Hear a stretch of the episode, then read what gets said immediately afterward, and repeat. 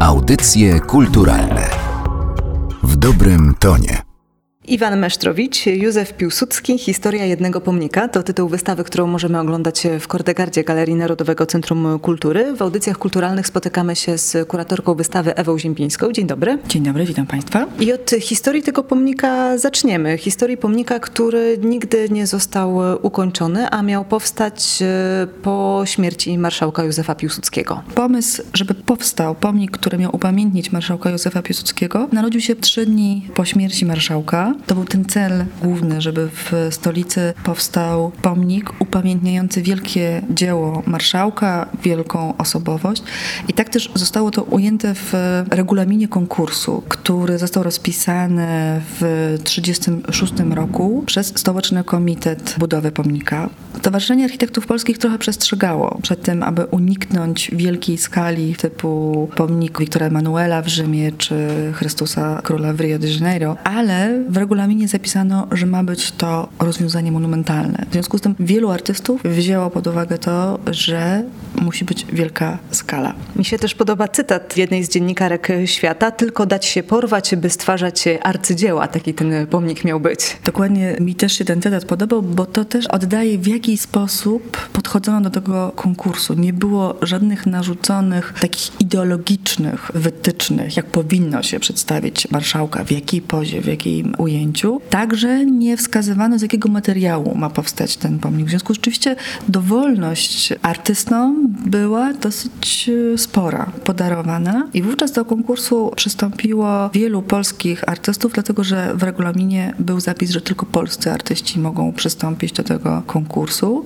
Przesłano na konkurs 58 prac i to byli artyści różni. Znamy tylko część tych nazwisk, dlatego że tylko 어, te projekty, które zostały nagrodzone i wyróżnione, nazwiska ujrzały światło dzienne, ponieważ był to konkurs anonimowy, więc artyści przysyłali swój projekt wraz z kopertą zalakowaną, w której to było ich nazwisko, a projekt był opatrzony albo numerem, albo godłem. W związku z tym projekt rzeczywiście rozpatrywany był anonimowo.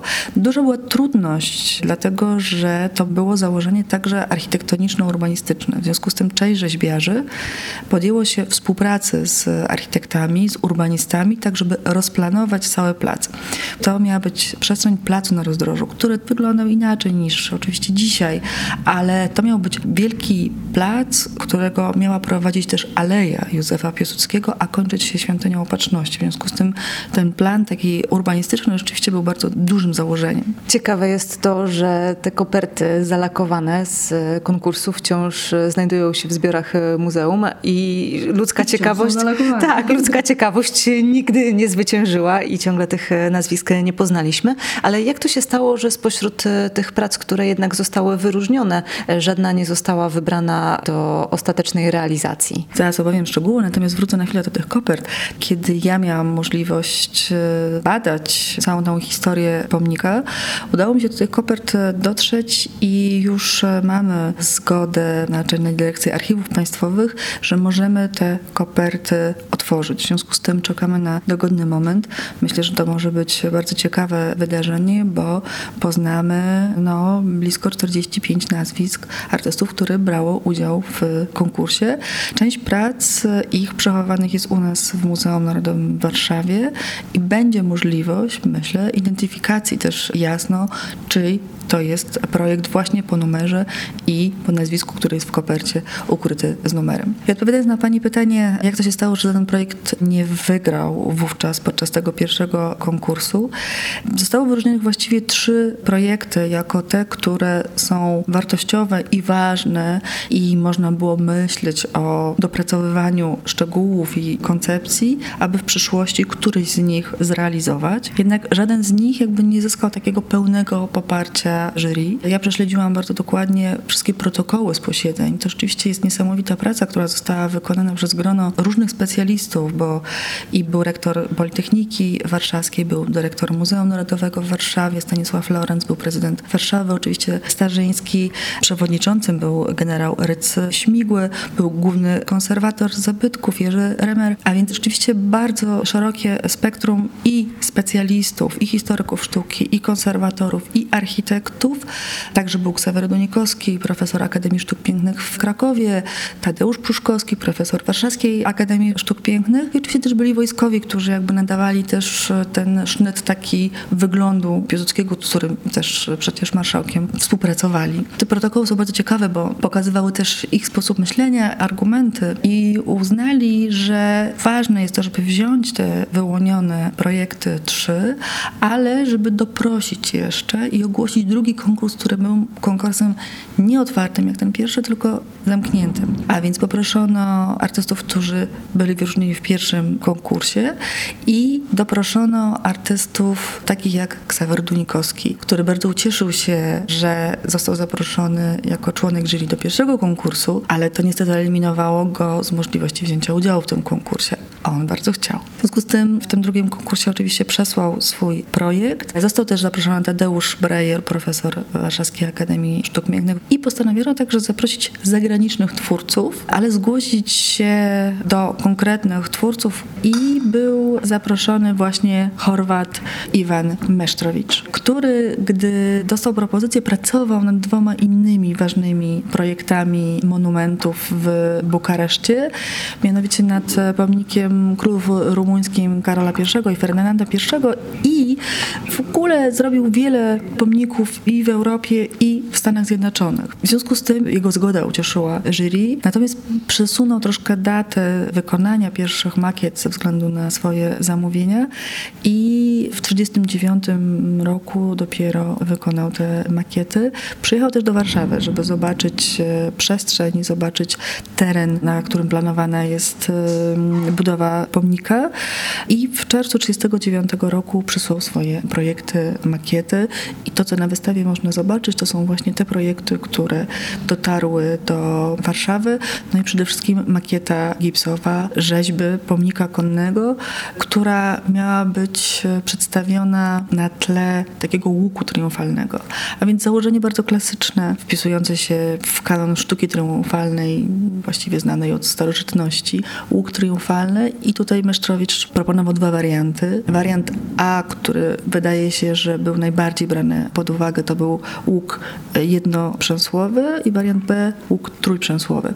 Mesztrowicz delikatnie wysłał sugestię, że mogłoby być to też przestrzeń, która byłaby wykorzystana na Muzeum Józefa Piłsudskiego i na historię walki Polski o niepodległość. I warto wspomnieć, że całość miała być e, naprawdę monumentalna i dobrze widoczna również z drugiej strony Wisły. Gigantyczna skala, gigantyczna rzeczywiście, bo postać marszałka na koniu to jeszcze miało być na postumencie, to miało być blisko, jak sam Mesztrowicz pisze w zachowanym liście, które też można przeczytać na wystawie, bo go reprodukujemy. To miało być 25 metrów, natomiast łuk triumfalny, który miał być w tym tle, to miało być 50 metrów. To jest skala gigantyczna, ale też takie było założenie całego projektu. Wielki plac, który miał też służyć defiladom i różnym uroczystościom państwowym. To całe założenie urbanistyczne, które też Mesztrowicz bardzo dokładnie przemyślał. On pracował z takim architektem, którym wcześniej pracował w Zagrzebiu, Haroldem Biliciem. Na wystawie można zobaczyć jego dwa rysunki właśnie architektoniczne. Notabene Mesztrowicz nie tylko był rzeźbiarzem, ale też był architektem. On skończył Akademię Sztuk Pięknych w Wiedniu z dyplomem i rzeźbiarza i dwa lata później architekta. W związku z tym to połączenie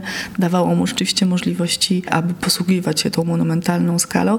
Gdyby to zostało zrealizowane, a były rzeczywiście duże szanse, bo w tym drugim konkursie najwięcej głosów zebrał pomnik Sewerego Dunikowskiego i Mesztrowicz, który był brany jakby poza konkursem, ale jury bardzo pozytywnie się wypowiedziało o jego projekcie i myślę, że tutaj rozgrywka byłaby między projektem Dunikowskiego i Mesztrowicza. No, jeżeli byłby pomnik Mesztrowicza zrealizowany, to byłaby to największa realizacja pomnikowa w Polsce ale także największa realizacja Mesztrowicza. I ten pomnik e, możemy zobaczyć tylko na wystawie. Plany e, budowy przerwała wojna, ale to nie jest jedyny pomnik Józefa Piłsudskiego, który nigdy nie powstał. również w Krakowie. Taka monumentalna rzeźba miała stanąć. Bardzo wiele się doczekało realizacji, bardzo wiele też się nie doczekało realizacji.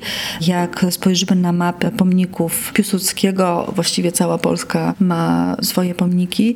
W różnej oczywiście formie, czasami są bardzo to skromne tablice rzeźbiarskie czy małe formy, ale rzeczywiście ten ruch upamiętnienia marszałka Piłsudskiego jeszcze przecież był za życia Piłsudskiego podjęty. No, później po II wojnie światowej część rzeczy nie udało się zrealizować z racji oczywiście tego, że postać marszałka po II wojnie światowej no, nie była należycie traktowana i nikt wówczas z władz nie planował pomników Piłsudskiego. A wtedy inne pomniki się budowało. Niektórych termin ważności w zasadzie się kończy. Pomniki ostatnio są znów tematem bardzo aktualnym. Jeżeli nie budować, to niektóre chcemy wyburzać i toczą się dyskusje na temat tego, jaki pomnik powinien zostać i dlaczego. Ksawery Dunikowski, którego nazwisko nam się tutaj e, pojawiało podczas rozmowy, jest e, na przykład autorem pomnika, który stoi w Olsztynie, popularnych szubienic, wokół którego dyskusje co jakiś czas e, odżywają. To chyba świadczy o tym, że te monumentalne rzeźby pełnią naprawdę ważną rolę w społeczeństwie. Myślę, że tak. I to jest temat wystawy, która będzie u nas otwierana w grudniu w Muzeum Rzeźby w Królikarni, oddziale Muzeum Narodowego w Warszawie, pomniki Europy Środkowo-Wschodniej. I to jest niesamowite, jak pomnik żyje zanim jeszcze powstanie. No, ta wystawa w Kordegardzie jakby mówi o tej historii pomnika, który ostatecznie nie powstał. A więc komu stawiamy ten pomnik i jak możemy tą osobę upamiętnić, tak? Bo to też jest zmaganie rzeźbiarzy, w jaki sposób ma upamiętnić tą osobowość. Później jest kwestia oczywiście zebrania funduszy, materiałów, które rzeźbiarz czy architekt planuje użyć. No i później właśnie w jaką filozofię się wpisuje, czy w jaką historię się wpisuje i co później się dzieje, jak zmienia często swoją rolę w społeczeństwie społeczeństwie, jak jest e, hołbiony albo opluwany. I myślę, że dzisiaj jest to temat bardzo, bardzo współczesny, szczególnie jeżeli mamy właśnie ustawę dekomunizacyjną i musimy też myśleć o historii, ale też o dziele sztuki. W jaki sposób e, można spróbować połączyć te dwie rzeczy, aby na przykład nie niszczyć dzieła sztuki, które jest ważnym dziełem sztuki, a które powstało w danym ustroju. Czy istnieje w ogóle jednoznaczna odpowiedź na pytanie, czy dany pomnik e, powinien e, zostać na swoim miejscu? Myślę, że nie. Myślę, że to jest e, kwestia bardzo indywidualna i każdy według mnie przypadek trzeba rozpatrywać bardzo indywidualnie. Czy są rzeczy na przykład, z którymi moglibyśmy sobie w jakiś sposób poradzić, nie niszcząc dzieła sztuki? Czy na przykład moglibyśmy zatrzeć jakiś symbol, który dzisiaj jest dla nas bardzo rażący? W jaki sposób moglibyśmy to zrobić, jednak szanując prawa autorskie artysty?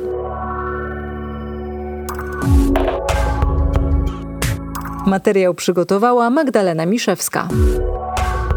Audycje kulturalne w dobrym tonie.